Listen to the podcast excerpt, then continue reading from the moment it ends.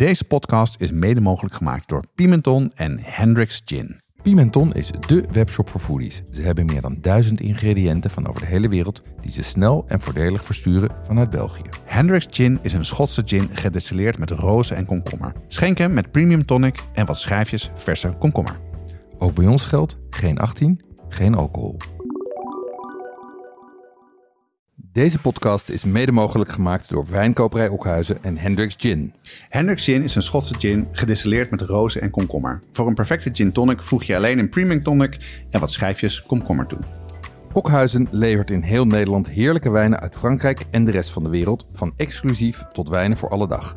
De verhalen achter de wijnen lees je in hun gratis wijnblad Viné Vuneuse. Meld je aan op www.okhuizen.nl slash podcast. En ook bij ons geldt, drink bewust 18 plus. Jeroen, hoe eet jij je steak het liefste? Ja, toen ik begon met steak eten, toen begon ik echt rare, zeg maar blue. Heel, heel, heel rood. Ehm, en toen ik wat vaker steak ging eten, en zeker toen ik dry aged kreeg, toen ben ik eigenlijk medium rare gaan eten. En eh, later ook zelfs medium. Echt waar? Maar wat wel belangrijk is, eigenlijk, is om de temperatuur daar natuurlijk bij te zeggen. Want als je medium rare bestelt in Frankrijk, krijg je echt iets anders dan medium rare in de VS. Dus ik zeg, laat ik zeggen, ik vind hem het lekkerst als ik een blue heb, zeg maar 52. En als ik een medium heb, medium rare, ongeveer 56 graden. Dus in het restaurant zeg jij tegen de ober niet medium rare, maar zeg je gewoon het aantal graden. Dat hangt er een beetje vanaf hoe, hoe ik de ober inschat, maar soms kan ik dat zeggen, ja. ja, ja, ja.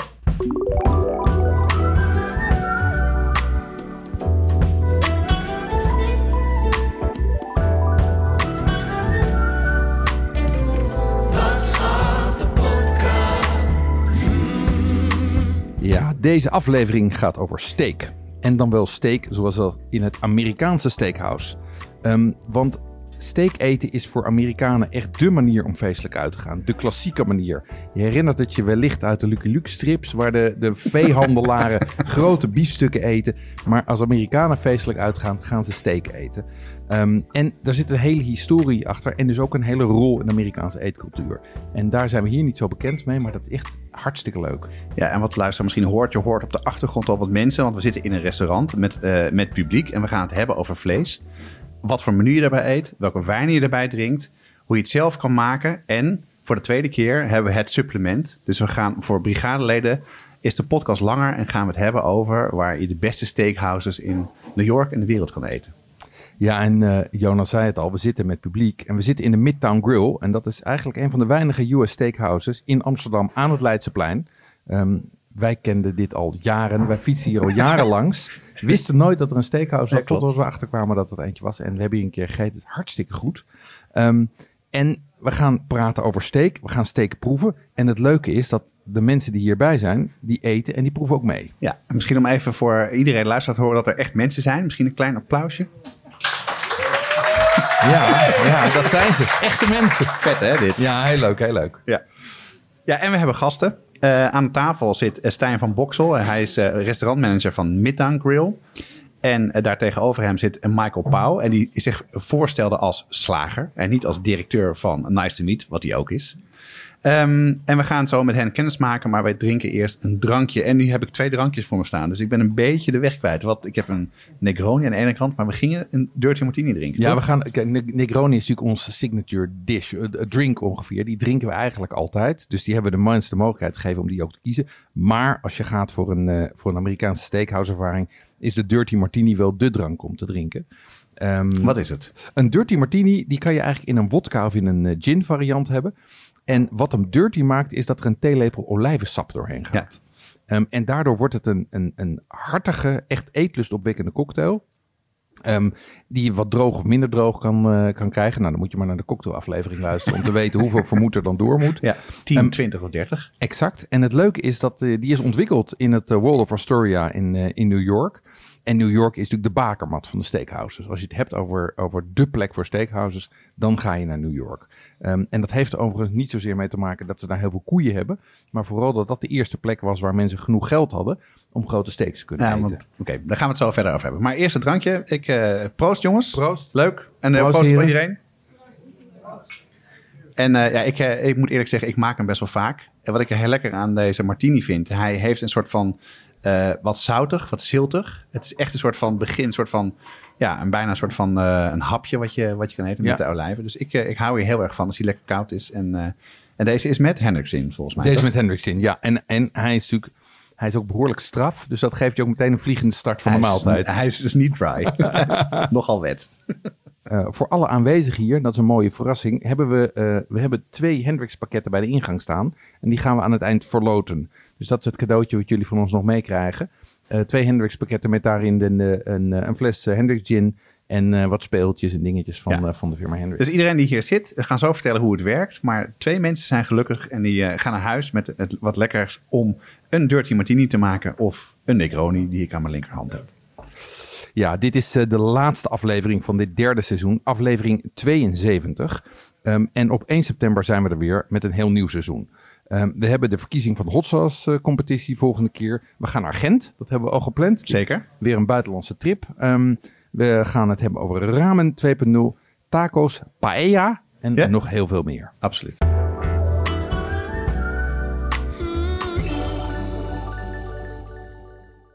Op onze site hebben we ruim 400 recepten staan, maar voor meer dan 200 ingrediënten moet je toch echt even naar een speciaalzaak gaan of een toko.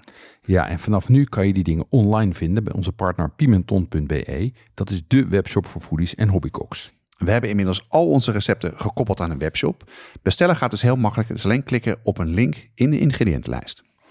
Ja, en Pimenton zit in België, maar bezorgt in de hele Benelux voor 3,95. Ga naar pimenton.be om te bestellen. En leden van de brigade krijgen 12% korting. En de actuele kortingscode vind je onder andere in de nieuwsbrief. De brigade zijn onze vaste luisteraars en zij maken de podcast mogelijk en krijgen daar veel voor terug. Het supplement, het tweede deel van Wat schaft de podcast, toegang tot onze online community op Discord, forum bij workshops en evenementen en meer informatie op de website. De brigade schrijft ook de kookboekrecensies en binnenkort gaan we alle restauranttips van brigadeleden in binnen- en buitenland op het besloten deel van de site zetten. En daar zitten echt hele bijzondere dingen tussen. Omdat we steeds meer gaan doen, gaan we het tarief ook verhogen. Uh, per 1 september wordt het uh, 4 euro uh, per maand. En als je snel bent, kan je tot die tijd het voor 3 euro afnemen. Ja, we hebben bovendien weer een hele stapel eh, kookboeken in de tombola en die geven we weg aan nieuwe leden. Wie het eerst komt, die het eerst maalt. Ga naar uh, petje.af slash podcast en kom bij de brigade of kijk op onze website. Jeroen, uh, jij wil het heel erg graag hebben over de klassieke Amerikaanse steak. En dus je dacht, nou weet je wat, ik regel wat. En uh, dat zien we dus, want we zitten hier dus met live publiek in een restaurant. Fantastisch geregeld. We zitten in Midtown Grill, we eten vlees van Nice to Meat en we drinken zo direct Californische wijn van Okhuizen. En we hebben dus nu net de cocktail al op, althans ik, van de Hendrix Gin. Leg uit, hoe wil je, waarom wil je het doen en uh, hoe is het zo, uh, nou, wat uit de hand gelopen? Ja, ja, dat uit de hand lopen, dat heeft gewoon natuurlijk met mijn enthousiasme te maken. En overigens ook met enthousiasme van, van de heren hier. Um, want ik wilde het over steak hebben. En toen ben ik, uh, toen ben ik gaan praten hier met, uh, uh, met Stijn en, op een gegeven moment, en ook met Michael. En die waren eigenlijk meteen enthousiast. En zo is dat dus groter en groter gegroeid. Eerst dachten we, we gaan hier gewoon opnemen. Toen dachten we, ja, dan kan er ook wel publiek bij. En nou ja, zo werd het, zo, zo, werd het meer en meer. En nu zitten we in een restaurant vol met mensen. Ja, zo ken ik jou ook wel een beetje. Ja, um, maar de vraag is natuurlijk, waarom wilde ik graag het over New York Absoluut. steak hebben? Ja, omdat ik eigenlijk wat ik in de inleiding ook al zeg. Ik denk dat steak, zeker het New Yorkse steak...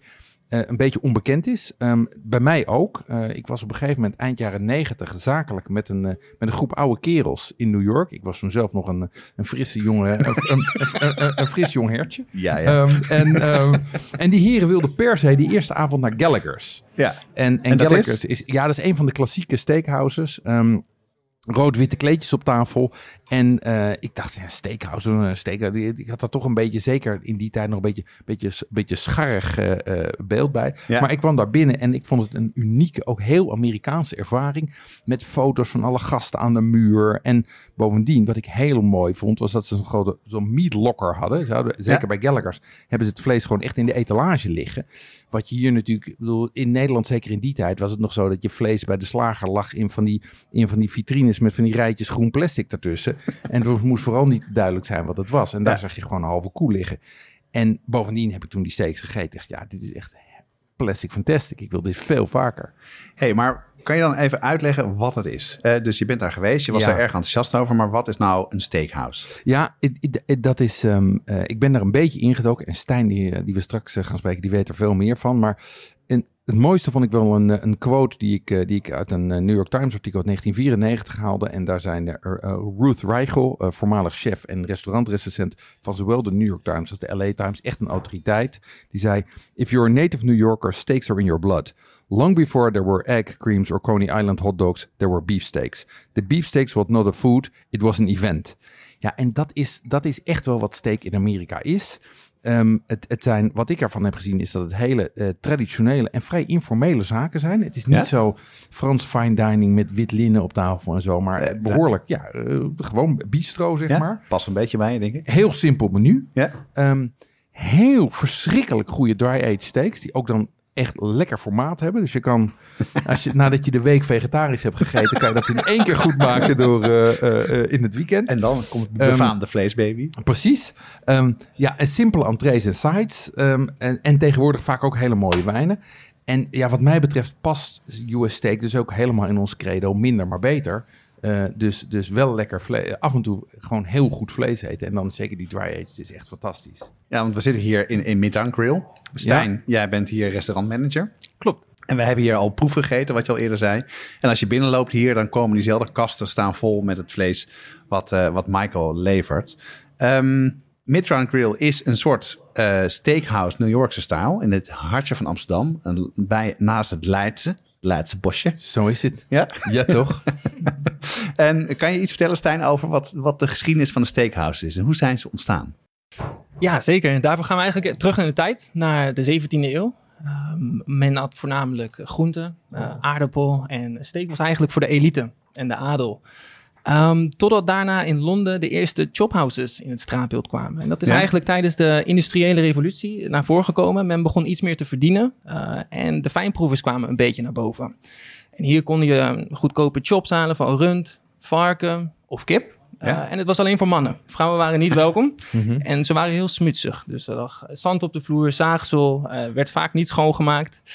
Ehm, en dan spoelen we hem eventjes door naar de burgeroorlog in Amerika. En dit werd gesupport door eh, het Verenigd Koninkrijk. En die hebben de chophouses meegenomen naar Amerika. Naar Zuid, of tenminste het zuidelijke deel van Noord-Amerika. Nou, niet naar het noorden. Nee, Texas met name. En daar zijn de chophouses nu nog steeds ook, noemen ze chophouses. Oh ja.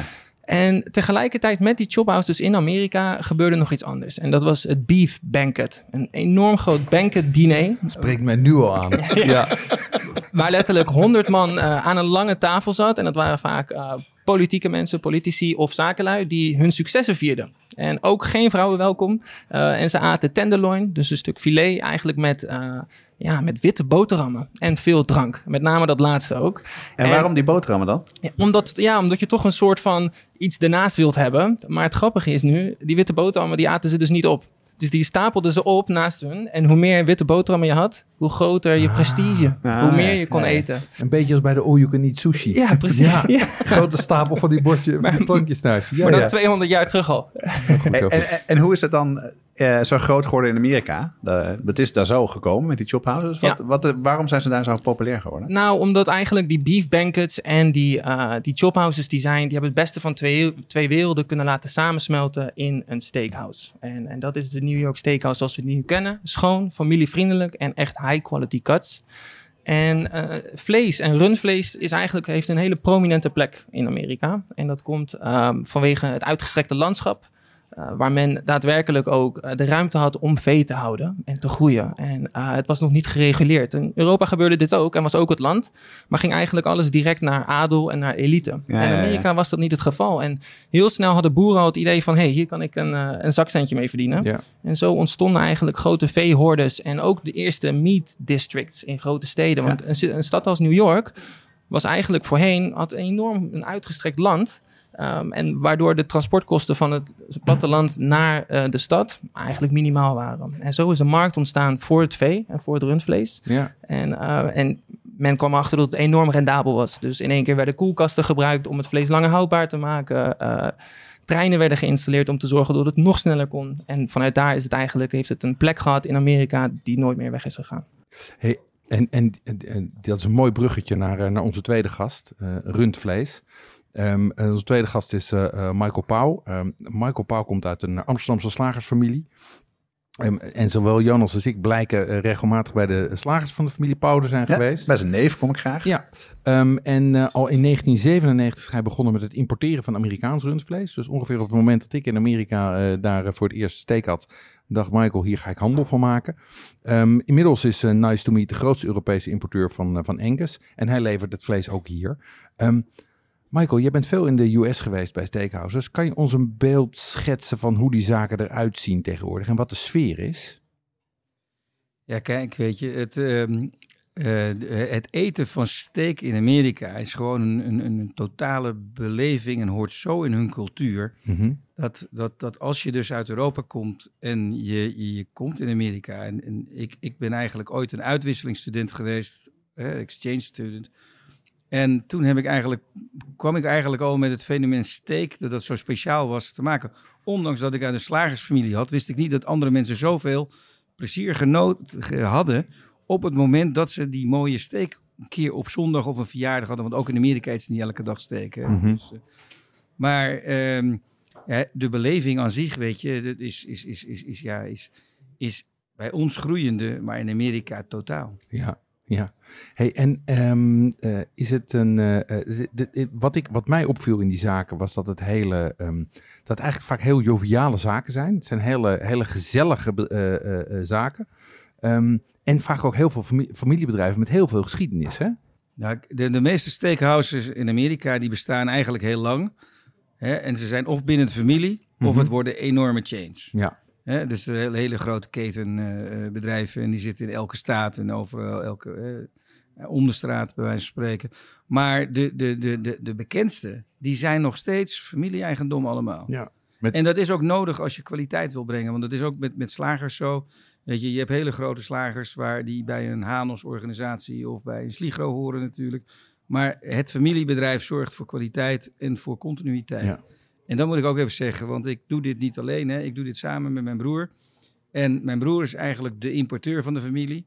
En ik ben de slager van de familie. Dus ik, eh, En daarom stel je je voor als de maar ik slager. stel me altijd voor als de slager. Dat zet ik ook altijd in. mijn- Als, als mensen vragen wat is uw beroep, moet je zeggen dan in, eh, je, je paspoort, eh, je naam Ja. en je beroepslager. Butcher. Butcher. Ja. Ja, en en wat, wat mij ook opviel is dat in een aantal zaken waar ik ben geweest, daar ook, ook gekke dingen in zitten. Weet je, bij, bij een, plei- bij een zaak als, als eh, Peter Luger kan je gewoon niet met creditcard betalen. Doen ze gewoon een soort van uit een weerspannigheid of zo. Ik bedoel, je zou denken dat het fiscaal is, maar ik gok dat dat niet is. Maar gewoon, wij doen alleen cash. Zij kunnen gewoon eh, eisen stellen die eh, een ander gewoon niet Nee. kan. En dat houdt ook. Dat, dat vinden ze natuurlijk in New York sowieso eh, spannend. Maar ja, je, vlees is nog steeds een beetje wel van boter nou ja, bij de vis.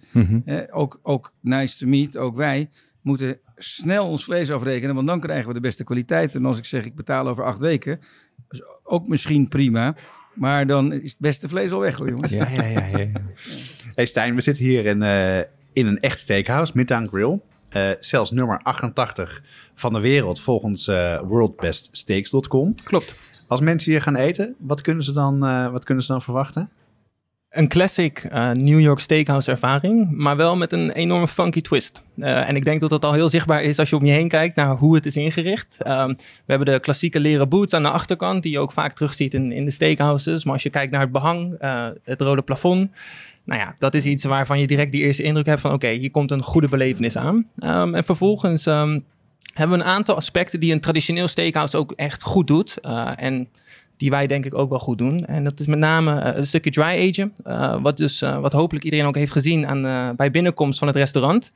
Vervolgens hebben we de open keuken. Waar we dus een interactie kunnen krijgen met onze... Kijk, er komt al Ja, mooi voor je neus Ja. verschijnt echt een mega groot stuk vlees. Nou, de koe wordt hier neergelegd. Daar gaan we het zo verder over hebben, maar ga door. Ehm, ja, dus de interactie met de chefs, zodra we eigenlijk naar de tafel eh, en placeren. Nou ja, en vervolgens hebben we een aantal dingen die we, die we goed doen. En dat is de kwaliteit van het vlees. Uh, hoe die wordt bereid. Uh, dat wordt door onze chefs gedaan uh, op de, de Montague broiler. die eigenlijk in de open keuken staat. En ook enorm belangrijk is het team wat we om ons heen hebben. De chefs, maar ook het personeel op de vloer. Dus echt gastheren en gastvrouwen. Want we hebben het gezegd, het is een vrij brasserie-stijl steakhouse. Ja, maar ja. vergis, vergis, je niet, de, de serviceniveau moet enorm hoog liggen. Er moet enorm veel kennis zijn. En gasten uh, leggen aardig wat, uh, wat geld neer voor een goed stuk vlees. En die ervaring, die wordt gebouwd door je personeel. Ja, maar dat Als ik daar iets over mag zeggen. Ja, zeker. Ja, echt dat ja. de, de Midtown Grill, die heeft echt een jaar of 12, 15 geleden misschien... Mm -hmm. die heeft toen echt meteen de juiste keuzes gemaakt. Die heeft toen echt gekozen voor... Hè, toen heel Amsterdam nog aan de hè, Argentijnse steek ook ja, op. Hoor. Ja, ik durf niet te zeggen, maar, maar, ik denk maar, er ook aan. Maar, maar voor het Amerikaanse vlees voor een dry age kast. En dat was nog lang nog zo mooie niet als uh, toen. Want toen maakten wij nog van die kleine Coca-Cola kastjes. Die bouwden we om tot dry age kast. maar, maar die grill en die dry age kast die stonden aan die bar naast elkaar. En ze hadden het beste vlees en ze hadden heel gezellig personeel. En vanaf dag één ging het lopen. Ja. ja. Nooit gestopt. En daarbij, uh, we hebben een family sharing concept, wat eigenlijk wel vrij uniek is, denk ik, voor New York Steakhouse. Uh, men kan dus meerdere cuts vlees bestellen uh, aan tafel van zes. Uh, en die komen op een grill in het midden van de tafel. Ja. Dus je hebt tegelijkertijd de kans om uh, dingen te proeven die nou ja, tafelpartner ook bestelt, maar waar je zelf misschien in eerste instantie niet zou kunnen bestellen. Ja, wat je net zei, hè, Stijn, dat is een beetje de. Als je op het menu kijkt en naar de prijs kijkt, denk je, dus moet je wel even slikken. Net zoals je moet slikken als je bij een Michelin-restaurant zit of een goed restaurant uh, in, in, in, in. Daar zijn de, de prijzen ook best wel ja, pittig, maar passend bij wat je krijgt. Ja. Begrijpen de gasten die hier komen ook het concept? Ja, omdat een steakhouse, het, de naam is een vrij straightforward iets. Steak, house. Mensen ja. komen hier om een steak te eten. En ja, het is maar niet... niet heel bekend bij iedereen. Bij mij was het niet bekend uh, van nee? tevoren. Nee, nee. Oké. Okay. Nou, we, er zijn gasten die, um, die denken het te kennen. En die gaan graag voor verschillende cuts. Maar uh, bestellen het dan bijvoorbeeld medium well. Waar we dan toch een stukje uh, educatie aan moeten binden. Uh, en dat is, ook, dat is ook heel leuk. Daar, daar, daar nemen we best wel veel trots in om te doen. Aantal graden doorgeven. Aantal graden. Van Jeroen. ja, 56. Nee, ja. twee, twee ik heb nog geen Jeroen meegemaakt in ons restaurant. Nee, maar ik, wacht maar. Ik kom een keer langs met mijn thermopen. Okay. En dan, uh... dat is goed, dat is goed. Zorg ik dat ik vrij ben. Nee, ja. nee. Um, nee, uh, er zijn gasten waarvan je echt het concept nog uit moet leggen. En dat vinden we eigenlijk ook het leukste aan, uh, aan, aan het runnen van een steakhouse. Is, um, uh, er zit zoveel kennis in, in een stuk vlees en in wijnen. En in de manier hoe je omgaat met je gasten. En um, de, de, Europese gasten snappen het wel. En de Amerikaanse ja, gasten ook. Als we kijken naar wat meer richting het oosten.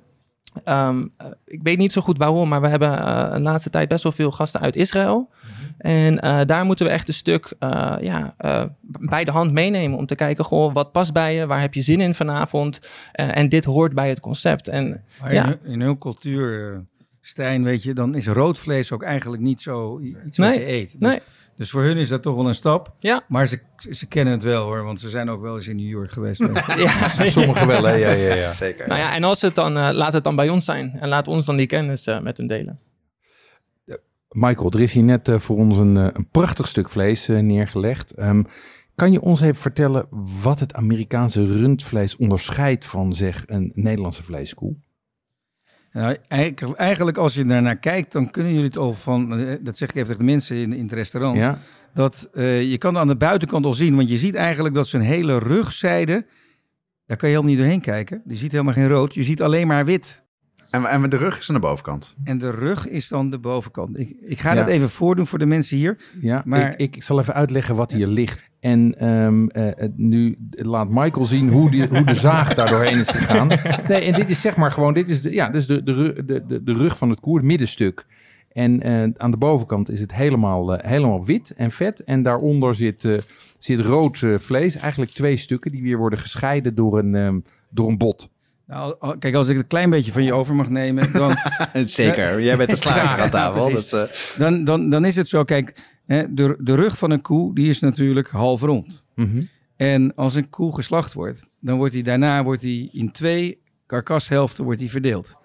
Gewoon echt, echt in het midden? Helemaal in het midden, van onder naar boven, van boven naar onderen wordt die, uh, wordt die door midden gezaagd. En dan krijg je dus twee helften van een karkas met twee achtervoeten en twee voorvoeten. Ja, ja. En dan is dit het deel wat aan het achterste kant, aan de achterzijde van zijn rug zit, Ja, voordat de ronding van zijn kont gaat beginnen. oké. Dus eigenlijk als je paard gaat rijden, dan is dit het deel waar je op zit. Oké, oké. Even ja. voor de beeldvorming. Ja, ja, ja. En dan heb je twee zijdes. Dan heb je en de kant waar het mooi rond is. En dat is dus de entrecôte-zijde, de witte zijde. Mhm. En dan krijg je de rugwervels daarna Ja, met een aantal ribbeentjes. En achter die rugwervels, daar zit die ossehaas die we allemaal zo lekker vinden. Tenminste, dat vinden de mensen het meest lekker. Maar een slager vindt dat niet het allerlekkerste. Maar waarom is die nu zo, eh, eh, waarom is hij nou zo beroemd? Hij is zo beroemd omdat hij zo mals is. En waarom is hij nu zo mals? Dat is omdat hij zo lekker beschermd in die hele rug ligt. die ossehaas hebben we het nu over. Ja, ja. die ossehaas die beweegt die spier van die koe. Mhm. Hè, want de koe die heeft eh, 29 spieren. Grote spieren, nog veel meer. Maar die, deze spier die beweegt het allerminst. En is daarom ook het meest zacht. dat snap ik. En daarom is hij beroemd. Wat, wat zijn de verschillen als je kijkt naar de soort koe en hoe die wordt gefokt en, en eh, eh, hoe ze worden gevoed als je Amerikaanse en Europese rundvlees vergelijkt? Ja, in, in de basis is het natuurlijk al zo dat in Nederland hebben we een zuivelland. Hè? We hebben een, eh, probleem mee nu. Gaan we iets aan doen. Maar in wezen hebben we in Nederland is 80% eh melkkoeien. Ja, 20% is maar vleesrunderen. In Amerika is dat altijd heel anders geweest. Vanaf dag één, toen onze boten die kant uit gingen, hè, toen ging een boot met een koelkast ging niet weg. Die ging weg met hele kippen. Er ging een, een koe aan boord om melk te- voor, de, voor, de, voor de jongens die aan boord zaten, Uh-huh. voor de matrozen. En toen ze in Amerika gingen en zich daar gingen vestigen, toen gingen ze daarmee fokken. En daarom is dus, heb je daar altijd de segmentatie gehad tussen melkkoe, gespecialiseerd voor melk, en de vleeskoe. ja. En de vleeskoe die komt vaak vanuit Engeland vandaan. Daar heb je de bekende rassen. Daar heb je het Angus, waar dit vlees ook van is. Het Angus rund, je hebt het Hereford rund, je hebt de Murray Grey. Het zijn allemaal rassen die ook allemaal in Amerika eh, heel bekend zijn. En wat wij ook vroeger deden, ook hier wel, een koe die wordt afgemest. Mhm. En in Amerika doen ze dat met mais. ja. En dan krijgt hij in het laatste deel van zijn leven. Want eerst groeit hij op. Hè? Dan is het, en daarna gaat hij naar de volgende boer. Die heeft heel veel weiland. Dan mag hij helemaal eh, lekker rondrennen. En dan groeit zijn karkas. ja. En dan in de laatste drie maanden. Dan gaat hij, dat noemen ze naar een feedstation. En daar krijgt hij lekker de hele dag te eten. Zoveel hij maar wil. All you can eat. All you can eat. Die gaat gewoon Geen sushi. drie maanden op all you can eat Drie, buffet. drie maanden all you can eat. Ja. En eh, dan is eigenlijk het hoofddeel is dan mais. Oké. En mais, dat geeft wit vet en dat geeft een zoete smaak. En als we hier de mensen vragen van wat vinden jullie lekker, bitter of zoet, dan vinden tien van de, eh, van acht van de tien mensen vinden eh, zoet natuurlijk het lekkerste. Dus het vlees heeft veel meer smaak. Oké. En dat vinden wij ook, eh, dat vinden wij ook eh, lekker. En als het heel veel gras eet, dan wordt het vet bitter. En als het vet bitter wordt, ja, dan vinden de mensen het ook minder lekker. Dus wij zeggen bij de slager, al die vetjes eraf, al die vetjes eraf. Maar eigenlijk helemaal niet nodig bij Amerikaanse Maar, maar dat komt dus omdat we in Nederland veel de, de koeien veel gras eten en veel minder mais dan in Amerika. Klopt. Eh, eh, wij hebben natuurlijk over het algemeen gewoon melkvee. En eh, die hebben hele, krijgen helemaal geen, geen mais. Hey, je had het net over Coca-Cola-kastjes als dry-age stations. Nou, hier zijn we binnen en de meeste mensen die hier zijn hebben gezien dat het er heel mooi uitziet. Ehm dry-age is ook heel erg belangrijk voor de smaak van het vlees. Kan je uitleggen waarom het belangrijk is en, en hoe dat werkt? Ja, dry aging is een speciale techniek eigenlijk. En die is eigenlijk heel natuurlijk ontstaan. En, en op dit moment lijkt het hè, dat het een enorme hippe techniek is. Dry aging beef, vinden we mooi. En het is nieuw op een steekkaart. Maar eigenlijk is het een van de oudste technieken om vlees te conserveren. Vlees langer houdbaar te kunnen laten zijn. En in Amerika is het eigenlijk op een redelijke natuurlijke manier begonnen. Want kijk, het is altijd al zo geweest dat de koeien, die laat je lopen daar waar het land is. En het land lag niet bij New York, want daar hadden we andere dingen te doen. Dus, maar in de Midwest was ruimte zat. Dus de boeren die gingen door. En die vestigden zich in die Midwest. En dat is nog steeds zo. Daar kan je mais verbouwen. Daar kan je graan, eh, mais, graansoorten. Kan je de koeien laten lopen. En op het moment dat ze eh, de, de rijp is om te slachten, ga je ze daar ook slachten. Want je laat de koe natuurlijk niet helemaal naar de stad lopen. Want dan is die na 2000 kilometer al zijn vet weer kwijt. Ja. Ja. Dus je gaat hem met een, in toendertijd, eh, waren er nog geen koelauto's, dan ging dat nog met wagonladingen. En daar deden ze twee dagen over om van de Midwest naar New York of Chicago te gaan. En daar had je de meat packers, noemden ze dat. Ja. En die meatpackers die kregen dus de karkassen binnen. Want zoals ik vertelde, hè, gaat een koe gaat eerst als karkas door de midden. En daarna wordt die verdeeld in een voorvoet en een achtervoet. En die paste precies in die wagons. Dus Ja, ja. die gingen op die manier gingen die, eh, naar, eh, na- naar New York onderweg. En het was een landklimaat in Amerika. Dus dat betekende in de winter heel koud, zomer warm, maar de luchtvochtigheid relatief laag. En zolang de luchtvochtigheid laag is, verliest het vlees zijn vocht, raak je meer vocht kwijt. En dat betekent eigenlijk dat je een geconcentreerdere vleessmaak krijgt. Nou, kijk, dry age is een techniek die veel mensen gehoord hebben. Het is wat je net hebt uitgelegd, het drogen en het, eh, van het vlees. En, maar dat doe je waarom precies? Nou, je, je, de, de reden waarom je dry aged is dat je het vlees ontvochtigt. En dan zeg ik altijd heel simpel, jongens, wat smaakt lekkerder? Een glas water of een glas wijn? Ja. Dus als we er nou voor zorgen dat we het water uit het vlees halen, ontvochtigen, Ja? hebben we een geconcentreerdere vleessmaak, hebben we een betere vleessmaak. En we houden ook meer vlees over als we het in de pan bakken. Want dat water loopt er dan niet uit. Juist. Precies. Ja. En je krijgt ook geen suddenproces. Want dat is juist eigenlijk een beetje... Ja, ik wil niet, net, niet, niet netjes praten over de supermarkten... maar als je daar je vlees koopt, is het veel te vers. Ja. Je, je moet het, mijn advies, bijna over de datum laten gaan... en dan pas eten. Want wat gebeurt er namelijk? Dat vlees bevat nog veel te veel vocht. Dus dan ga je dat in de pan doen... en dan krijg je een soort... dat vlees wordt warm, gaat zijn vocht loslaten... want dat zit er allemaal nog in. En dan krijg je een soort suddenproces... tussen de pan en de steak. Ja. Ja. En dan krijg je dus geen mooie eh maillard. Krijgt meer Ja. stoofvlees. Dus, je dus krijgt, dus je steak blijft wit eigenlijk. ja, maar dat herkennen we allemaal wel. dat en dan ga je steek- nog langer ja. bakken. En dan, dan wordt je steak ook nog steeds roder. Dus dan is die al bijna well done natuurlijk. Dus Ja. ja, waarom is die steak niet zo lekker? Dus daarom, ja, is dry aging is eh, de techniek dat je meteen maillard creëert. Maar de dry age techniek zorgt ervoor dat je dus eh, meer steak overhoudt eigenlijk. Je krijgt een mooie korst. Je hele huis ruikt weer lekker naar vlees als Ja. je aan het bakken bent. En iedereen denkt, wauw, daar wil ik bij zijn, dat moeten Ja. we niet missen. En dan gaan we zo proeven, hè? Kijk, als je dat, eh, dat steek in die trein... Je zegt dat steek in die trein verliest al 5 kilo. Ik zag ze hier eh, net liggen met dat dry age. Die buitenkant droogt ook uit. Dat betekent wel dat je minder vlees overhoudt. Dat klopt, maar dat is vooral een, eh, een dure techniek voor de, voor, voor de slager in wezen. Want de slager die snijdt er, hè, die verliest 20% van zijn vocht. Die snijdt er ook nog eens keer al die randjes vanaf. Hè, want echt wat uitgedroogd is, kan je niet eten. Nee, Het gaat juist om die binnenkant eh, van, het, van het vlees. En eh, dat, ja, dat, dat, dat zorgt ervoor dat het vlees, als je het bakt, veel meer eh, overblijft. Dus normaal snij je een steak af en dan heb je 200 gram steak en dan heb je 160 gram over op je bord. Als je een dry-aged steak afsnijdt, heb je van de 200 gram nog 190 gram over. Hey Stijn, want wij zijn hier binnengelopen en eh, Michael eh, refereert er al een paar keer aan. Er staan, er staan kasten. Waarom hebben jullie dat soort eh, dry ace kasten hier staan? Ik neem aan dat dat, dat soort kasten zijn. Ja, zeker. Nou, dat is eigenlijk een simpel antwoord op. Eh, het, het geeft het idee aan de gast van hier ga ik goed vlees eten. En eh, dit komt eigenlijk vanuit, nou ja, wat eh, Jeroen al zei, Gallagher Steakhouse, waar je eigenlijk voorbij loopt. En dat je een vitrine in kijkt die tot de nok toe eh, volgeladen is eigenlijk met, met porterhouses. Waarvan je denkt van oké, impressive. En dat is hier, dat proberen we eigenlijk na te bootsen. Eh, bepaalde stukken vlees eh, die, die de gast kan zien. En we vertellen de gast ook iets over van, nou ja, dit is het dry age proces, dit gebeurt er.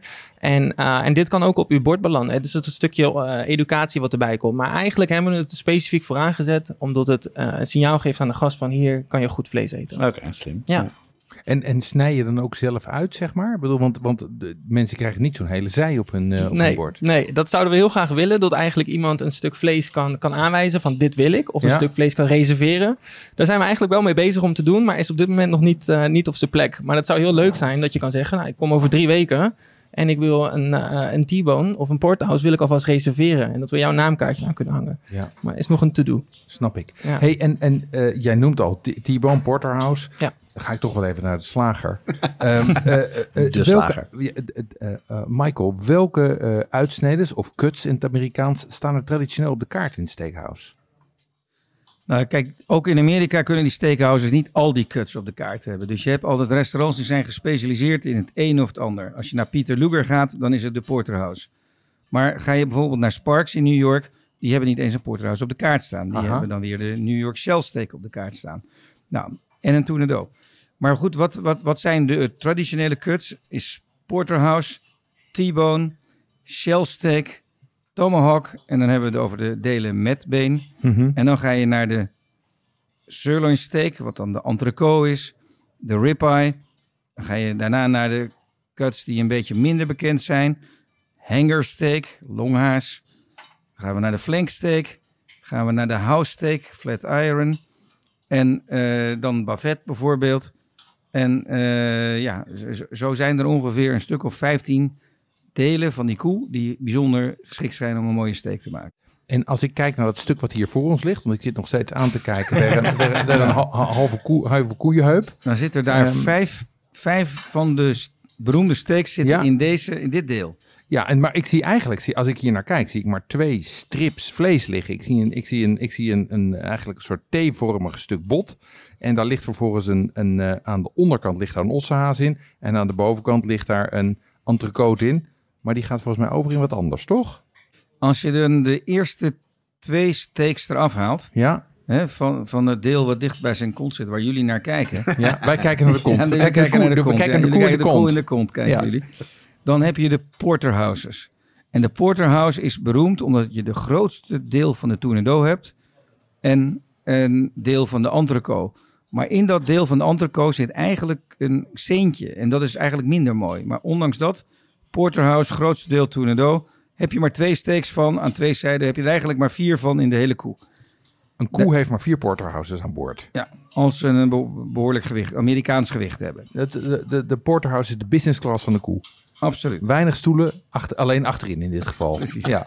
Daarna krijg je vier T-bones. vind je mooi, hè? Ja. Daarna, da- daarna kan je vier T-bones maken. Heb je een kleinere tournedo, maar een groter entrecote gedeelte. Oké. En dus heb je inderdaad... eh, Ja, daar zit het premium economie. ja, Ja. premium economy. acht, acht, acht steaks. En dan heb je het deel waar minder ossehaas in zit. En dat wil je natuurlijk niet verkopen. Want niemand wil een T-bone prijs betalen met een heel klein stukje ossehaas erin. Dus dat stukje ossehaas, dat halen we eruit. En dan maken we daar New York shell steaks van. En dan krijg je, zit je eigenlijk in het mooiste deel van de entrecote. Alleen je hebt geen tournedo erbij. En, en, En, en, ja, en, dat is en, en want die entrecote die gaat dan, de entrecote die gaat dan over in de ribeye, toch? Dat Of is, heb ik dat verkeerd begrepen? Ja, nee, dat klopt wel. Maar dat is nadat hij echt aan het ribgedeelte begint. Oké, Dus dat is het verlengde deel, dus meer naar mij toe. alright. Dus even, even samenvattend.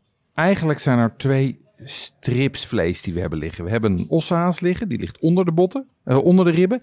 En we hebben een entrecote liggen, die overgaat in de ribeye, die ligt er bovenop. Dat, zijn- dat zijn eigenlijk de twee stukken. Ehm, en dan is het, die kunnen dan al dan niet worden gecombineerd met of zonder bot. En dan heb je eigenlijk de belangrijkste, de belangrijkste cuts van de, van, de, van de steakhouse te pakken, toch? Dat zijn de meest luxe delen, de meest kostbare delen. Ja. Ja. Oké, helder. Hey, het is tijd om, eh, ik bedoel, ik vind het een prachtig verhaal hoor, maar het is tijd om te proeven. Ja, dat ben ik met je eens. Ja. Oké, nou eh, op de achtergrond horen jullie mensen eh, flink praten, want het voorgerecht is op. En we hebben het net over het vlees gehad en nu begint eigenlijk het tastingmenu. Dat hoor je op de achtergrond dat mensen dat aan het eten zijn. Maar wij hebben het ook op tafel gekregen. Er staat hier een heel mooi bord met verschillende stukken vlees. Jeroen, help me even. In het midden is het de ossa's. Ja, we hebben, we hebben hier liggen de ossehaas. Eh, dat is het, eh, eh, het, het stuk, zeg maar. Hier, het, het leuke is, het is hier neergelegd onder de rib. Dus dat is precies de ossehaas.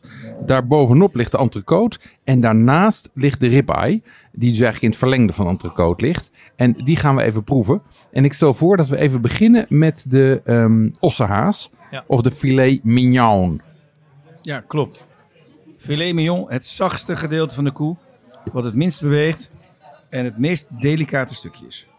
Ik neem even een, eh, ik neem even een hap. Klein hapje. Jeroen die neemt echt een mega hap. Ik denk, hij gaat het snijden. Dus die is even stil. Nou, we hebben hier, eh, voor de luisteraar staat hier echt een prachtig bord met de verschillende stukken. Ehm, ik snij een stukje af. Ik ga het zelf even proeven. En dan is Jeroen heeft waarschijnlijk dan zijn mond leeg gegeten. Tegen de tijd. Ze zeggen, een goede filet, daar heb je geen steakknife voor nodig. Kan je eigenlijk met een lepel zo hup, naar binnen werken. Dat, dat kan met dit vlees zeker. Ja, Dat klopt Ja. inderdaad. Ja, Ja. kijk hoe makkelijk Super zacht. ja. Bijna een soort boter eh, Mhm. qua structuur. En het is, oh man, wat is dit lekker zeg. Ja, als ik er wat technisch over zeg, hè, dan zie je dus zo aan de buitenkant zie je die maillard. Dan zie je heel mals vlees. En als je dat vlees een beetje uit elkaar trekt, zie je een hele fijne vleesdraad. Ja. Ja, En naarmate klopt, ja. we zometeen de andere steaks gaan proeven, dan zal je zien dat die steekdraad steeds grover wordt. Ja, en hij heeft heel veel eh, eh, vleessmaak, maar hij is ook vrij mager van smaak. Ja. Dat is in ieder geval wat ik proef. Dat klopt. En dat komt omdat ehm, de, eh, in, de, in de dooradering van het vlees, en des te meer dooradering, des te hoger de kwaliteit.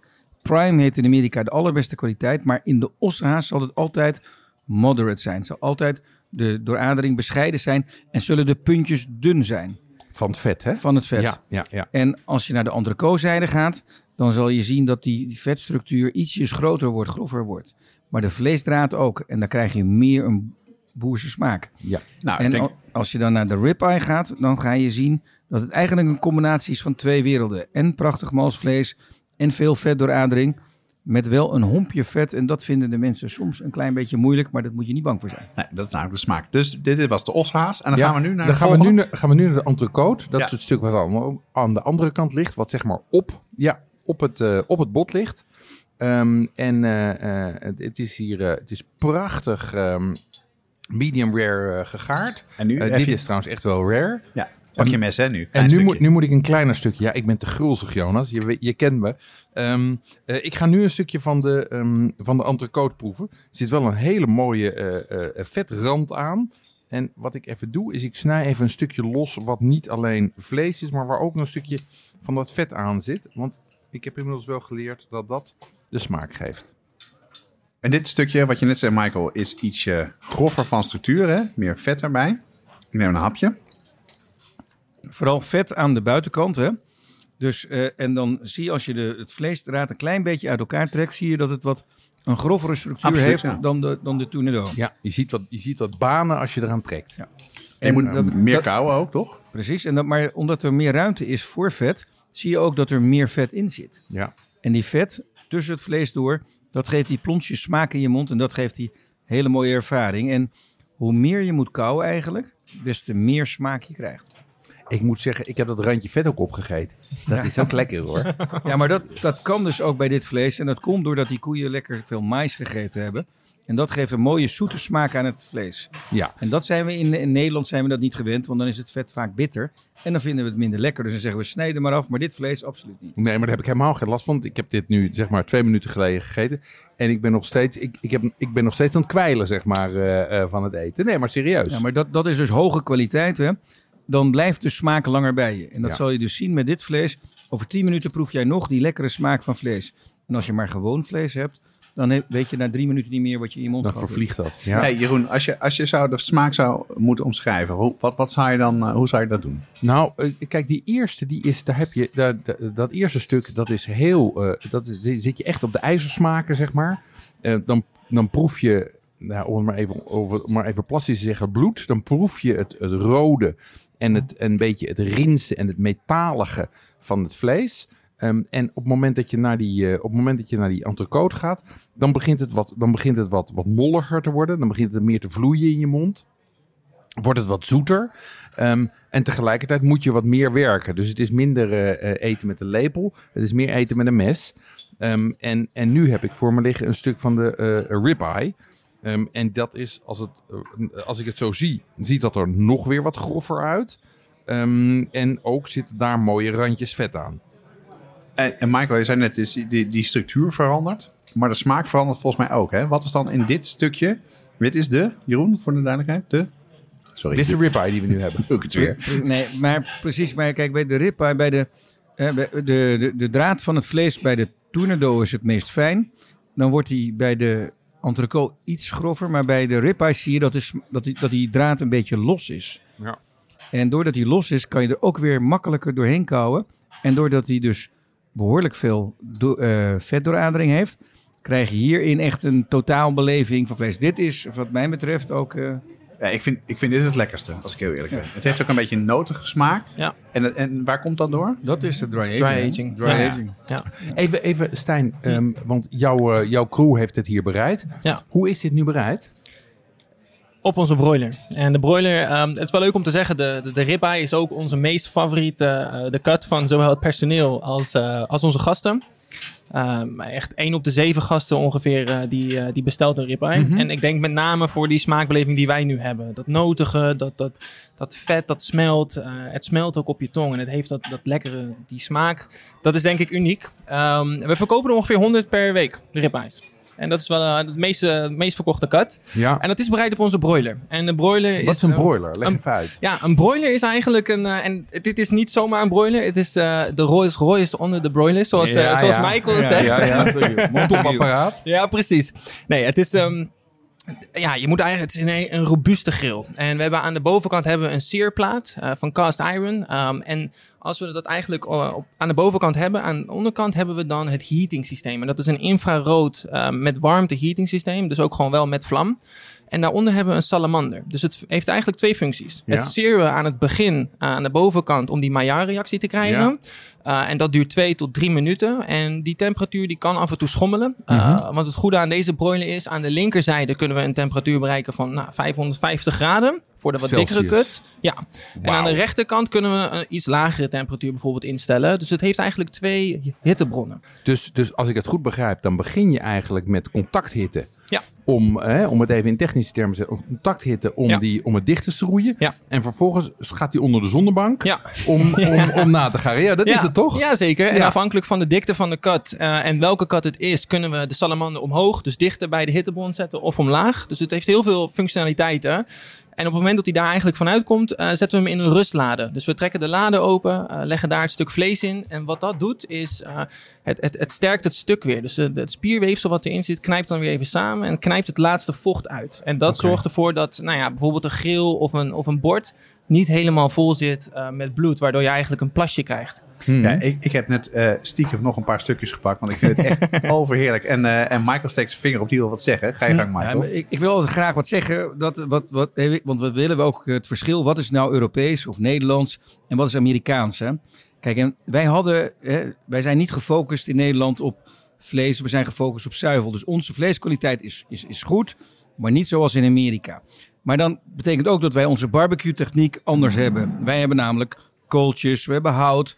En we zorgen, dan liggen daar mooie steek op. Maar die steek die absorbeert die smaak van de houtskool. Ja, en dan vinden wij dat in de basis van, och, dat vlees heeft goed smaak, goede smaak. Nee, dat vlees heeft smaak van houtskool. ja, En als we Amerikaans vlees hebben, hè, wat mais gevoerd is, en van een Black Angus ras is, en dan ook nog gedry-aged is, en we doen dat op die Montague broiler, die een omgekeerde techniek heeft, in plaats van hitte van onderen, hitte van boven, ja. dan krijg je dus dat het vet aan de bovenkant, omdat het vlees zo mooi dooraderd is, dat gaat heel mooi karamelliseren. Dat wordt dus helemaal goudbruin. En die sappen en die vetten van het vlees, die zakken wel, maar daar is die steek koud. Ja, ja, ja. Dus die zakken niet meteen in het vuur, waardoor er ook niet direct een vlam ontstaat. En dan draai je de steek om in die Montague broiler. En als je hem omdraait, dan is het vlees aan de onderkant dicht. En dan seer je de andere kant. En dan hou je dus een veel meer sap en veel meer smaak hou je in steek over. Daarom is dat apparaat zo verschrikkelijk geweldig. Maar, maar het geheim is dus eh, eigenlijk twee dingen. Enerzijds dichtschroeien op onwaarschijnlijk hoge temperaturen. Ja. Ja. En vervolgens garen met hitte van boven in plaats van van onder. Ja. Waardoor het vocht en het vet niet op de vlam afgeeft en flare-ups geeft. Ja. Maar het gewoon, zeg- laat ik zeggen, erin zakt. En waarschijnlijk zo ook weer gaart. Want het is natuurlijk heet vet en heet stoom wat dan het vlees inzakt. Ja, want het, het, het, het vet, hè, dus het intramusculaire vet, dus het vet tussen de spiertjes, dat geleidt de warmte natuurlijk heel goed. Ja, Dus als jij je steek eruit haalt en je laat hem daarna rusten, dan gaat het, gaart het vlees heel goed door. ja, helder. Ja. Hey, wat is, jou, wat is jouw eh, eh, favoriete kut en waarom, eh, eh, Michael? Ja, mijn favoriete kut is, eh, eh, de Europese cup heet het Côte de Buff Ja. of de, de Tomahawk. Oké, Maar in ieder geval bedoel ik eigenlijk de ribeye ja, met het bot. ribeye met bot. En dan heb je het beste van twee werelden. En, ja. en waarom het bot dan? Ja, dat bot dat geeft toch een bepaalde smaak af. En dat beschermt ook de steek een beetje. En dat zien we ook bij die mooie porterhouse die we eten. Hè, de filet mignon kant die is wat kleiner. Die was hè, ongeveer medium rare. Ja, En we zagen de entrecote kant, die is wat groter. Met bescherming van het bot tijdens het hitten. En dan zie je dus dat die steek aan de entrecote-zijde rare is. Nou, dat, dat is het mooie van eh, een steek met been. E- Eet, je, eet jij altijd dezelfde garing eh, daarbij, eh, Michael? Ik, ik kijk naar de garing, hoe gemarmerd het vlees is. Als het vlees niet zo dooraderd is, dan ga ik voor een rare of zelfs een bleu eventueel Ja, van Europees vlees. Ga ik naar Amerikaans vlees, wat veel dooradering heeft, dan kies ik eigenlijk, als ik in het Europese vlees eh bleu zou kiezen, kies ik, begin ik bij medium rare. En eigenlijk medium voor dit vlees is een prachtige bereiding. Want het is wel zo dat die vetjes, die moeten even de kans hebben om te smelten. ja want dat koude vet is niet lekker. koude vet, nee, dat ligt zwaar op je maag. Dat wil, je wil dat mooi dat dat eh flat een klein beetje smelt. Hey, op de achtergrond hoor je iedereen eh, genieten van het eten. Dus laten we het heel even over het menu hebben, Stijn. Hm. We hebben het nu steeds over het vlees gehad. Maar wat Ja. staat er nog meer op de kaart als je bij een steakhouse gaat eten? Ehm, de verschillende dingen. Bij de voorgerechten eh, kijken we met name naar eh, een Caesar salad. eh, de crab cakes die we ook als, als aperitief hebben gehad. Eh, echt een klassieker die niet kan ontbreken op een steakhouse. Van Gallagher tot nou, Peter Luger tot Keynes ook tegenwoordig. Ehm, en de shrimp cocktail. En eigenlijk wat, wat onze gasten hier vandaag ook hebben gegeten, de wedge salad, is ook een, is een klassieker die eigenlijk ehm, rond 1950, 60 is ontstaan. En die vind je nu ook overal terug. En dat is een gerecht in simpelheid. En als we kijken naar, ehm, naar het hoofdgerecht, dus naar de steak, eh, hebben we verschillende sauzen. Peppercorn sauce, blue cheese sauce, bearnaise sauce. Eh, en dat zijn eigenlijk de top drie. En daar komt red wine ook wel bij kijken. Ja. Alleen onze top drie is wel eh, de eerder genoemde. En als we kijken naar de side dishes, hebben we eigenlijk twee kampen. De enorm zware side dishes. Ja. Mac and cheese, rusty, fries, potatoes. Ja. Ehm, en daarna hebben we eigenlijk aan de linkerzijde groene asperges, haricot vert, Ja, parmezaan en wilted, eh, wilted spinach. Ja. Ook nog relatief licht. Dus dat zijn eigenlijk de twee kampen waarin we ons ook ons menu hebben samengesteld. Nou, en als dessert, ja, toetjes zijn natuurlijk absoluut niet ondergeschikt. nee, toetjes Nee. zijn niet om te geschikt. Nee, dat kan niet ontbreken, Jeroen. Het is, eh, voor toetjes gaat hier vaak ook eh, een knoopje extra open. Ja. En dat is de classic cheesecake, New York-style cheesecake. Lekker, lekker dense eigenlijk mag die wel zijn, een beetje vochtig. Dan hebben we de chocolate brownie. Ehm, en het is vaak ook een moment om te reflecteren. hè. Met je, met je familie in Amerika, hoe was je avond? Hoe is het allemaal? Het is een get-together. Ja, En dat moeten we afsluiten met een, eh, met een heerlijk dessert. ja, ja, lekker hoor. Hm. Ehm, zeg, we hebben het nu gehad over, eh, eh, over de entrees. Ja. We hebben het gehad over het vlees. Ja, We hebben het gehad over de sides. We hebben het gehad over de sauzen. Maar we hebben het nog niet gehad over wat er in het glas zit. nee, Ehm, heel belangrijk. Wat, ehm, eh, eh, eh, wat hebben we tot nu toe te drinken gehad? Nou, bij een Amerikaanse avond hoort natuurlijk Amerikaanse wijn. Ja, En waar anders dan, dan Californië? California eh, en met name Napa Valley, mekka van, van Amerikaanse wijn. Ook de eerste AVA in, in Amerika, dus American Viticulture Area. Waar dus ook gereguleerd wijn kan, kan groeien. Mhm. En als we kijken naar ons, eh, ons voorgerecht, bij de wedge salad hebben we een Chardonnay. En die komt ehm, iets, nou, twee uur rijden noordoost van, ehm, van California, of van San Francisco, sorry. ja. En het heet Cannonball. En het zijn twee eigenaren die zijn eh 50 jaar geleden eh, zijn zij een, een, een, een domein begonnen. En in simpelheid, zij wilden terug naar de basis. En ze wilden niet een Chardonnay hebben die enorm vettig en boterig en parfumerig is. Nee, want dat is waar je Amerikaanse eh, Enorm. wijnen mee associeert. hè? Dat Absoluut. zijn allemaal power wines. Ja, ja, en deze is wat meer elegant. Ja. Ehm, als we kijken, het is Dennis Hill. En Dennis Hill, ehm, de eigenaar, eh, had ook echt het doel om een gebalanceerde wijn te krijgen. En dat hebben we hier ook gedaan. Ehm, hij ligt maar vijf maanden op hout. En Ja. daardoor is dat niet dat, dat, dat volle hout, dat boterige wat je normaal hebt. Maar wat meer elegant. We proeven of we ruiken eigenlijk een beetje rijp fruit, vanille. Ehm, en wat vaak in Californië eh, bekend is, is een stukje specerij. Wat ook bij deze Chardonnay erg terugkomt. En welke Ja, dan? dat herken ik wel. Nou, ja. je ruikt een beetje dat vanille maar- en, eh, en, en oregano in de achtergrond. Oké. Ja, Ja. dat klinkt een beetje gek. Nee, maar, klopt zelf. klopt ja. zelf. Ja. En als we dan een slok noemen, eh, proeven, dan hebben we ook daadwerkelijk wel dat, dat boter van die vijf maanden rijping op Amerikaanse eh, houtvaten. Maar niet dat, dat, dat volle, dat houtige. En wat we eigenlijk normaal zien is dat, dat het een enorm rijp fruit heeft. En eh, dat het echt een, een flinke slok is om te nemen. Maar dit is elegant, maar past wel goed bij de wedge salad. Met de goat cheese en de, en de blue cheese. En daarbij ook de tomaat. Ja. Ja, lekker hoor. Ja, Hm. ik, vind het, ik, ik hou erg van Amerikaanse wijnen. Alleen Ja. af en toe zijn ze gewoon too much. Ja, Ehm, en deze heeft, eh, heeft mooie elegantie. Hm. Ehm, we hebben deze overigens van onze eh, vrienden van, eh, van Okhuizen gekregen. Ja. Met, dankzij een bijdrage van het Calif- California Wine Institute. ja. Ehm, en die hebben ook de volgende rode wijn voor ons meegenomen. Hè? Ook Cannonball. Ja. Cabernet Sauvignon is de king of grapes vanuit Amerika natuurlijk. Ja. Dat is deze. hè? Cap, de caps af, om Ja, het maar zo te zeggen. af, Als ja. we eerst kijken naar het glas. Eh, hij, is, eh, hij is donker, het is intens, maar het is niet soms zo donker als dat je eigenlijk zou verwachten. Nee, het is geen inkt. Nee, en dat komt omdat hij... ehm, maar 12 maanden op hout heeft gerijpt. En dat zijn verschillende plots, eigenlijk door Californië heen. Mhm. Ehm, dus ze pakken eigenlijk eh, verschillende growers en daar de beste druiven van. Die laten ze rijpen op Amerikaans en Frans eikenhout. Oké. Ehm, en daardoor, op het moment dat je hem ruikt, heb je een beetje tabak en dat specerij. Ja. en ik vind dat mint, dat oregano, toch weer ergens terugkomen. En dat is, vind ik al wel leidend. Vanille zit erin, een beetje dat cederhout. En als je dan een slok neemt, dan heb je eerst dat wrangen. En dat wrangen Ja, komt eigenlijk maar... Ja, omdat hij iets korter op, eh, op, op vaten heeft gerijpt. En daarna eigenlijk gelijk in de bottel gaat.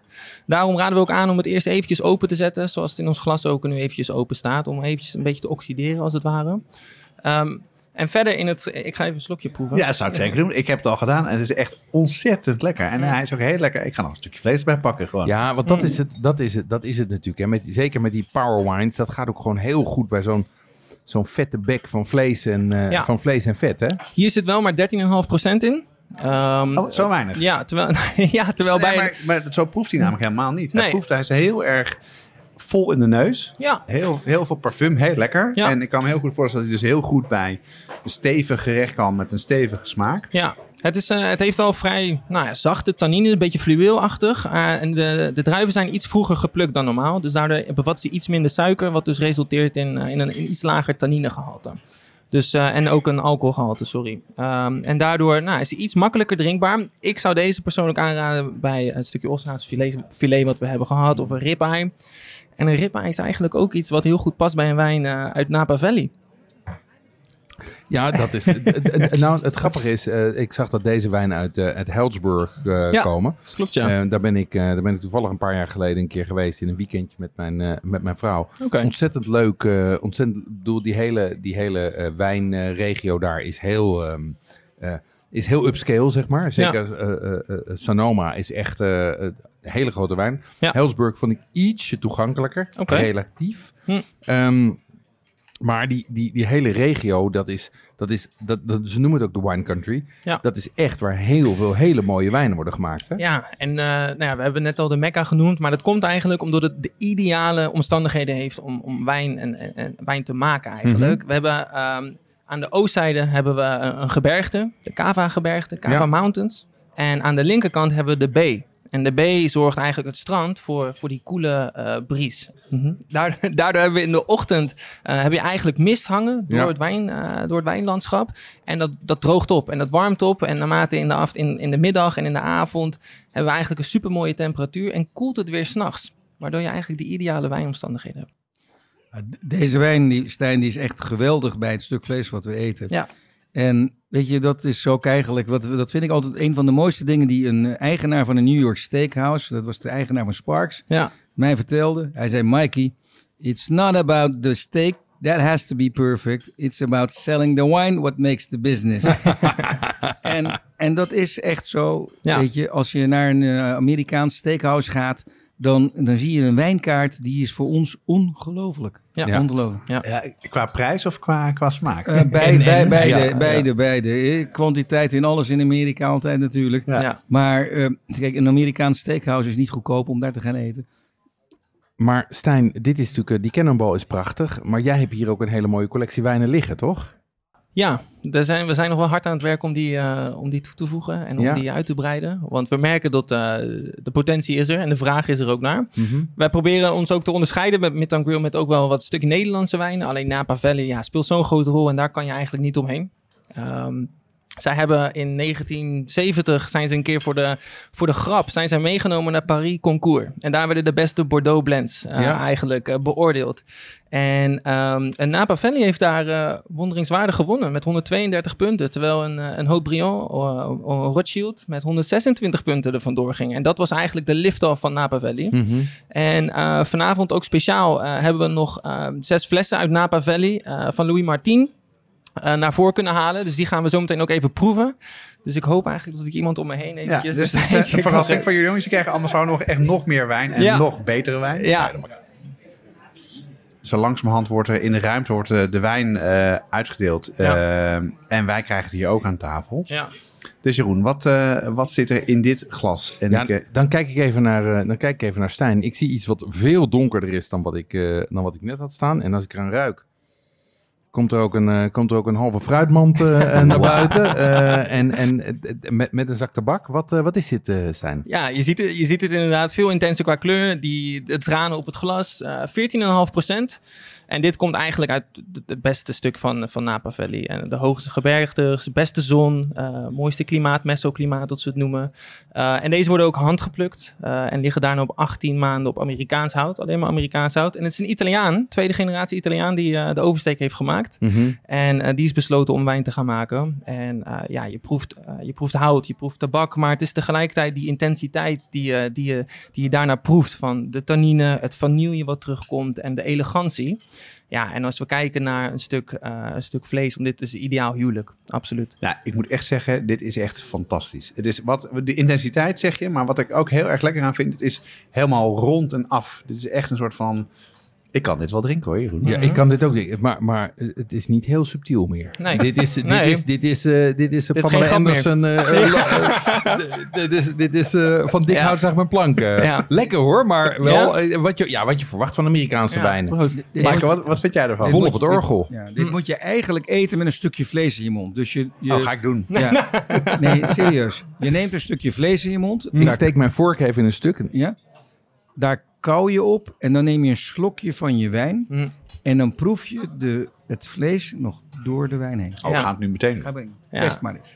Zal ik ondertussen iets vertellen over de proteïne? Want in proteïne in het vlees die worden namelijk aangesterkt en het vet in het vlees door de tannine in de wijn. Eh, en daarom is het eigenlijk zo'n gelukkig huwelijk altijd. Het is een soort van 1 plus 1 is, is 3 in dit geval. En daarom wordt eigenlijk steak geassocieerd met, met rode wijn, omdat het elkaar versterkt. Dit is echt wel bijzonder, hè, Michael. Ja, mooi. Goed. Heel veel wijn, heel veel cocktails. Het wordt een gezellige avond. Eh, maar laten we het ook even hebben over een aantal andere onderwerpen die voor vlees ook belangrijk zijn, namelijk duurzaamheid. Dat is iets wat jij, Michael, zei, daar wil je het graag over hebben. Vlees zit vaak in een verdomhoekje vanwege dierenleed en, en andere zaken. Hoe staan jullie met Nice to Meet in deze discussie? Hoe, hoe kijken jullie naar duurzaamheid aan? Ik ben dat daar natuurlijk niet eh, helemaal mee eens. Maar ik, ga gelijk een opmerking maken. Duurzaamheid en vlees gaan niet direct samen. Eh, nice to Meet is een bedrijf dat eh, vlees importeert uit alle landen van... eh, nou, niet alle landen, maar laat ik zo zeggen. We halen mooi vlees uit Japan. We halen mooi vlees uit Noord-Amerika. We halen het uit Australië vandaan. en, maar wij hebben wel hele grote zonnepanelen. We hebben dikke muren om ons koude binnen te houden. We hebben een systeem om, ons, eh, eh, eh, om waterterugwinning eh, te doen. Maar jongens, dat, dat vlees is nou eenmaal niet duurzaam. Zo moet je ook niet met vlees omgaan. Vlees eet je omdat je het heel erg lekker vindt. Je wil jezelf verwennen. En als je vlees koopt, moet dat gewoon goed zijn. En eh, dat is een belangrijkere keuze om te maken. En als we dan kijken naar Creekstone Black Angus Beef, wat wij vanavond eten, Uit Amerika. uit Amerika vandaan, dan heeft dat natuurlijk wel food miles. Maar aan dit vlees is alle zorg besteed om het zo lekker mogelijk te maken. Ehm, en in welke mate spelen, laat ik zeggen, kop tot kont daar een rol in? Dus het helemaal gebruiken van het beest? Dat betekent met name wanneer die koe van hoge kwaliteit is, hè, van ras en van opvoeding en van eten wat hij gehad heeft, dat je hem ook eigenlijk feitelijk van kop tot staart veel beter kan verwaarden. Ja. En je ziet dus aan de koe uit Amerika vandaan van Creekstone dat hij dus eh, niet alleen zijn entrecote en zijn tournedo heel mooi is. Nee hoor, ook zijn flanksteak uit de vang vandaan, maar ook uit de schouder vandaan, waar we normaal in Nederland poulet van maken. Of de bavette, waar we eh, soepvlees van maken, kunnen we uit Amerika vandaan allemaal steaks van maken. Oké. Ja. Hey, en en wat, wat ik wel interessant vind is, ehm, eh, in Amerika is het heel gewoon om een doggybag te vragen. Dat is natuurlijk ook een vorm van duurzaamheid, hè? Want dan, dan eet je, dan laat je het eten wat je hebt liggen, eh, gooi je niet weg, maar eh, dat, dat herbruik je. Stijn, krijgen jullie dat verzoek wel eens? Ja, ehm, maar helaas nog niet zo vaak als dat wij eigenlijk zouden willen. Oh ja? Uh, ja, uh, we stimuleren het om mee te nemen naar huis. Uh, om het nog een keer te gebruiken. Om er een steak sandwich van te maken. Uh, want dat is dan ook onze, ons idee, onze inspiratie wat we mee willen geven. Ja. Want als jij een steak opnieuw wilt verwarmen, dan is het de volgende dag eigenlijk net niet lekker meer. Maar op een sandwich gaat het prima. Ja. Als je ook kan nog eens aan je pubers geven. Dat werkt heel goed. ja, op een broodje bijvoorbeeld. Oh, echt waar? Ja, ja absoluut. In de lunchbox. Uit de ijskast maakt niet uit hoor. Hij ja. het zo Ehm, nee, en het, ja, we hebben toch het idee dat er nog steeds een beetje een taboe op heerst. Of een schaamte om, uh, om, om het mee te nemen. Ja. En, uh, terwijl bijvoorbeeld in Amerika is het een veel vergevorderd stadium... Waar, je, waar we het laatst over hadden met Gallagher. Dat je iets meeneemt. Ja, en Ja. dat je een zak meeneemt en trots Ja, op tafel Een zet. soort Van, Louis Vuitton, maar Ja. dan van de steakhouse. ik ben daar geweest en ik heb nog een steek over. Ja, ja, ja. En, en, en dat, dat heerst hier gewoon nog niet. Dus wat wij proberen is om het heel proactief aan te bieden. Dus op Ja. het moment dat er een side dish of een steak nog ligt... en mensen willen het meenemen of mensen zijn klaar met eten... dat we het dus aanbieden. Maar daar zeggen helaas nog wel heel veel mensen nee op. Maar dat klinkt als een, eh, alsof we een oproep moeten gaan doen en een campagne moeten starten om de doggybag weer te herintroduceren. ja, nou, toch? Er, Ja. is, er is wel een week van de doggybag volgens mij. Die is wel ergens een initiatief wat, ge- wat gelanceerd is. Maar dus bij een steakhouse neem je dus een, eh, of een tasje mee met, eh, met een Tupperware doosje. Of je Mhm. vraagt gewoon vriendelijk aan de, aan de ober. Hebben we de vorige keer gedaan toen we hier met elkaar gegeten hadden. Ja. En daar heeft mijn vrouw en mijn zoon echt heerlijk van genoten. Goed zo. vertellen. Heel goed. Maar heel jongens, dat komt natuurlijk ook een beetje voort uit Amerika. Dat de, dat, dat, dat de size van de steak, Ja. hè, dus de grootte van de steak... Ja. die is in Amerika natuurlijk eigenlijk meer dan je zou willen om op te eten. Of kunt eten. Ik bedoel, Ja. hier staat nog wat eh, te wachten op misschien een doggybag. Of misschien de mensen hier. Ik ga, ik ga zo gaan- nog even zitten prikken, Ja, komt ja. Oké, we weten nu hoe, welk vlees we moeten hebben, wat voor menu je moet maken, wat voor sauzen, welke wijnen. En de, ik heb het met, druk- eh, met nadruk wijnen. Maar hoe maak je dit nou thuis zonder broiler? Wij hebben een, eh, wat vlees gehad van Nice to Meat en we hebben proef gekookt. Ja. Kan jij onze ervaring een beetje uitleggen? Ja, kijk, wat wij eigenlijk hebben gedaan is, eh, eh, we hebben geprobeerd om te we hebben geprobeerd om thuis zeg maar die, die, die ervaring van het steakhouse na te bootsen. En een mooi pakket gekregen van, ehm, van Michael. Ehm, en hebben eigenlijk twee dingen mee gedaan. Aan de ene kant hebben we geprobeerd om dat sous vide te bereiden. Dus in een zak en dan naar de perfecte garing te brengen. Eh, en eh, eh, dat dicht te schroeien. En aan de andere kant hebben we het op de barbecue Michael gelegd. wordt handgebaren te maken met sous vide. Volgens mij is het er niet mee eens. Nee, nou ja, die, die twee routes hebben we geprobeerd. Dat is de manier die wij graag wilden doen. Ehm, en, en wat ik daaruit haalde was eigenlijk twee lessen. Het ene is dat ehm, eh, als je het op de barbecue doet, moet die echt bloedheet zijn. Nou, je hoorde het net, 550 graden. Dat moet je, dan moet je, moet je hem vlak boven de kolen hebben liggen. Ehm, en eh, voor mij in ieder geval ging het met sous vide en daarna eh, in een, eh, in een pan ging eigenlijk beter dan, eh, dan op de barbecue. Maar dat kan ook te maken hebben met hoe ik de barbecue heb opgestookt. Michael, jij wil wat zeggen? Kijk, op, op de barbecue, hè, dat is gewoon de meest moeilijk, dat is een moeilijkere manier. Ja. Want dan heb je weinig controle over je techniek. Als je thuis een superchef wil zijn, hè, en, eh, of wil lijken. laat Dat ik- willen wij, hè? Ja, dat willen we eigenlijk ook. ja, we, we doen Nee, superchef dan, zijn. dan, dan, dan gebruik ik ook thuis heel vaak de reversed heating techniek. Dus eerst op hè, is het vlees lekker eh, zouten, kruiden in de oven doen. Ik zet de oven op eh, 65 graden, 75 graden. Ik doe er een kerntemperatuurmeter in. Mensen, morgen vaderdag of eh, zondag vaderdag allemaal een kerntemperatuurmeter kopen voor je man. ja, Eh, maar daardoor krijg je controle over, de, over, over, over het vlees. Maar sous vide zorgt er eigenlijk ook wel voor zodat, eh, eh, dat het vlees een beetje weeg wordt. Dat het een beetje zalm wordt. Zwaar. En dat is omdat vooral... het ook in die zak zit. Ja, maar dat, dat heeft met name als je dus heel mooi vlees neemt. Hè? En Black Angus vlees is eigenlijk te mooi om dat te doen. Ah. Als je een. Nederlandse koe gebruikt, dan zou ik dat een hartstikke goede techniek vinden. Maar omdat de draad van het vlees al zo fijn is, heeft dat het helemaal niet nodig. Ja. Dus wat zou jij aanraden? Dus ik raad aan gewoon een cast iron pan. Ja, Hè, keihard aanzetten. ja echt, echt vijf minuten dat hij zat te walmen in de keuken. pan. Rookmelder uit. Ja, rookmelder eruit. Ook Ja. want bij mij thuis gaat ook het alarm af. En dan om en om mooi donker braden. En het maakt echt niet uit als het een beetje, eh, zel- zelfs als het een heel klein beetje verbrandt, kan het nog geen kwaad. En daarna rusten. En dat intramusculaire vet ervoor zorgt ervoor dat het naar je juiste cuisson gaat. Maar, en maar je hebt hem eerst in de oven gedaan, toch? Dat doe ik bij de grote stukken vlees. Maar de kleine stukken Bij vlees de kleine gewoon- stukken vlees, steaks, entrecote, tournedo, doe ik gewoon, hup, bam. Dus op die manier. In de pan, cast iron pan Cast dus. iron. Ja, Ja. dat is dus een gietijzeren pan die pan. heel heet kan worden. Paul, een van onze eh, leden van het team, die heeft ook een stuk uitgeprobeerd. Heeft ook sous gedaan. En die kwam eigenlijk op dezelfde conclusie die je eigenlijk net vertelt, Michael. Dat het heel moeilijk is om het goed te krijgen. En dat hij eigenlijk liever dacht van, ja weet je, dat sous laten we achterwege en we doen het op jouw manier. Dus dat is, eh, is een mooie samenvatting van hoe je het thuis kan maken. Ehm, Je kan natuurlijk ook een broiler kopen voor thuis. eh. ja, wij zijn... wij- Die wij- bestaat, die ja, bestaat. Ja, Ja, ja, ja. Wat, hoe hoe Ja, werkt dat? Ja, nee, dan, nou ja, eh, kijk, eigenlijk een, een, een broiler, als we het voor onze beeldvorming een beetje willen zien, dan is het eigenlijk een soort met eh, dunner of shawarma grill, Ja, ja, ja. maar, maar dan omgekeerd met de hittebron van boven. ja.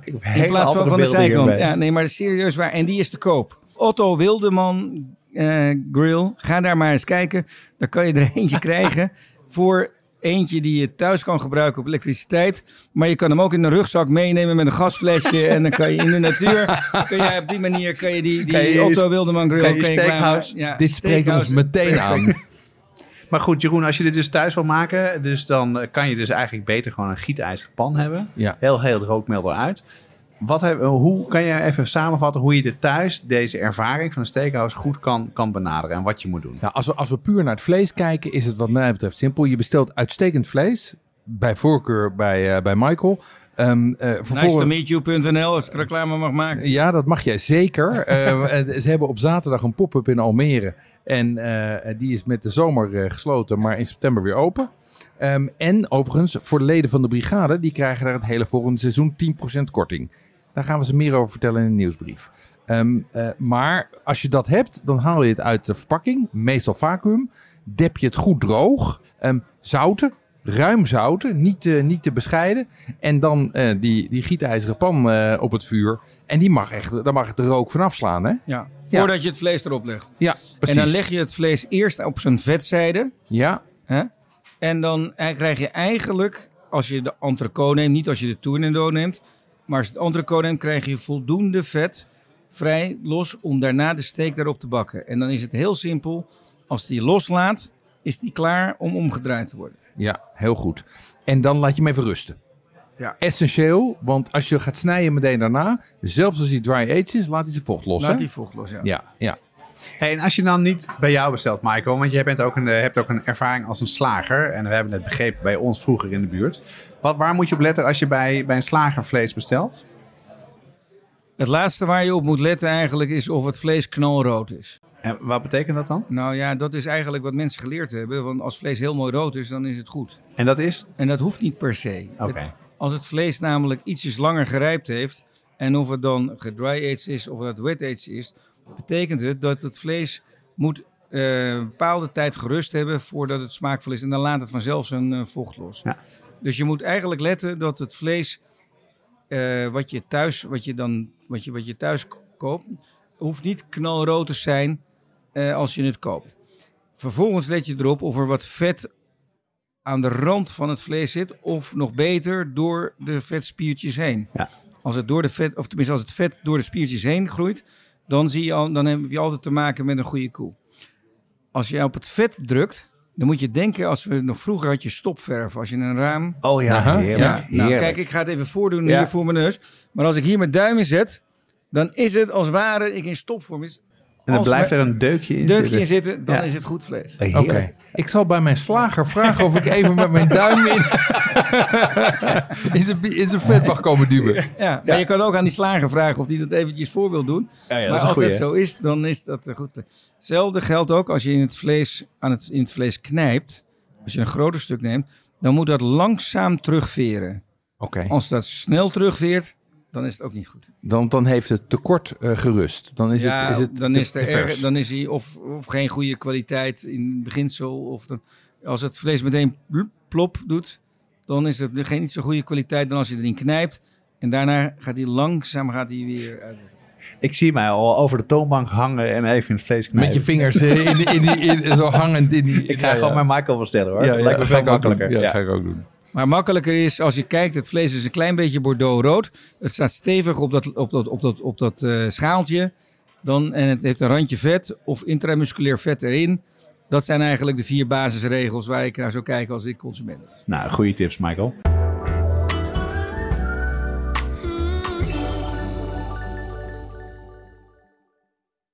Ja, ehm, wij gaan zo meteen toe naar het supplement. Eh, en daar gaan we het hebben over de beste steakhouses in New York en in de wereld. Dat is exclusief voor leden van de brigade. Ehm, en daar gaan we nu mee door. Ehm, deze keer praten we dus over die beste steakhouses in New York en in de wereld. Om lid te worden van een brigade ga je naar petje.af slash podcast. En bestaande leden, bestaande leden van de brigade hebben een e-mail gekregen hoe ze toegang krijgen tot het supplement. Nou, hiermee komen we aan het einde van de eerste podcast voor een, eh, voor een live publiek. Stijn, bedankt voor je gastvrijheid van Midtown Grill. Graag gedaan. En voor het heerlijke eten. En ook de echt ontzettend lekkere wijn. Hè, allemaal. Ja, zeker. Eh, Michael, bedankt voor je heerlijke vlees. Voor je, je top 5 van toprestaurants. Nou, je moet de wereld over. Maar volgens mij wordt het fantastisch als je daar gaat eten. En dat jullie bij onze podcast aanschoven. En jongens, jullie allemaal, het publiek. Fantastisch dat jullie hier zijn. Voor ons echt een mijlpaal en echt helemaal te gek. Ja. En, en we hebben nog twee Hendrix pakketten om weg te geven. Ja, dat, dat, dat hadden we ook nog. Ja, Ja, daar had jij een plannetje voor. Daar heb ik een plannetje voor. Nou, Want leg maar uit. iedereen hier in de zaal heeft een zoutvaatje op tafel. Zoutvaatje. Een zoutvaatje. Wat, ja, toch? Ja, Een, zout, een, zout, kommetje. een zoutkommetje. Ehm, en daar zit een onderzettertje op. En als je, op dat, als je onder dat onderzettertje kijkt, dan zit bij een paar mensen, Ja, iemand- bij twee mensen, zit er een sticker onder. En als je die sticker hebt, ja, steek je hand op, zeg maar ja. ja, Hier links, ja. kijk, dan hebben jullie een van de Hendrix pakketten gewonnen, jongens. Ja, zo simpel is het. Zie je er één en waar is de tweede? Hier En en hier. achterin. Nou, hartstikke goed. Veel plezier ermee. Jongens, gefeliciteerd.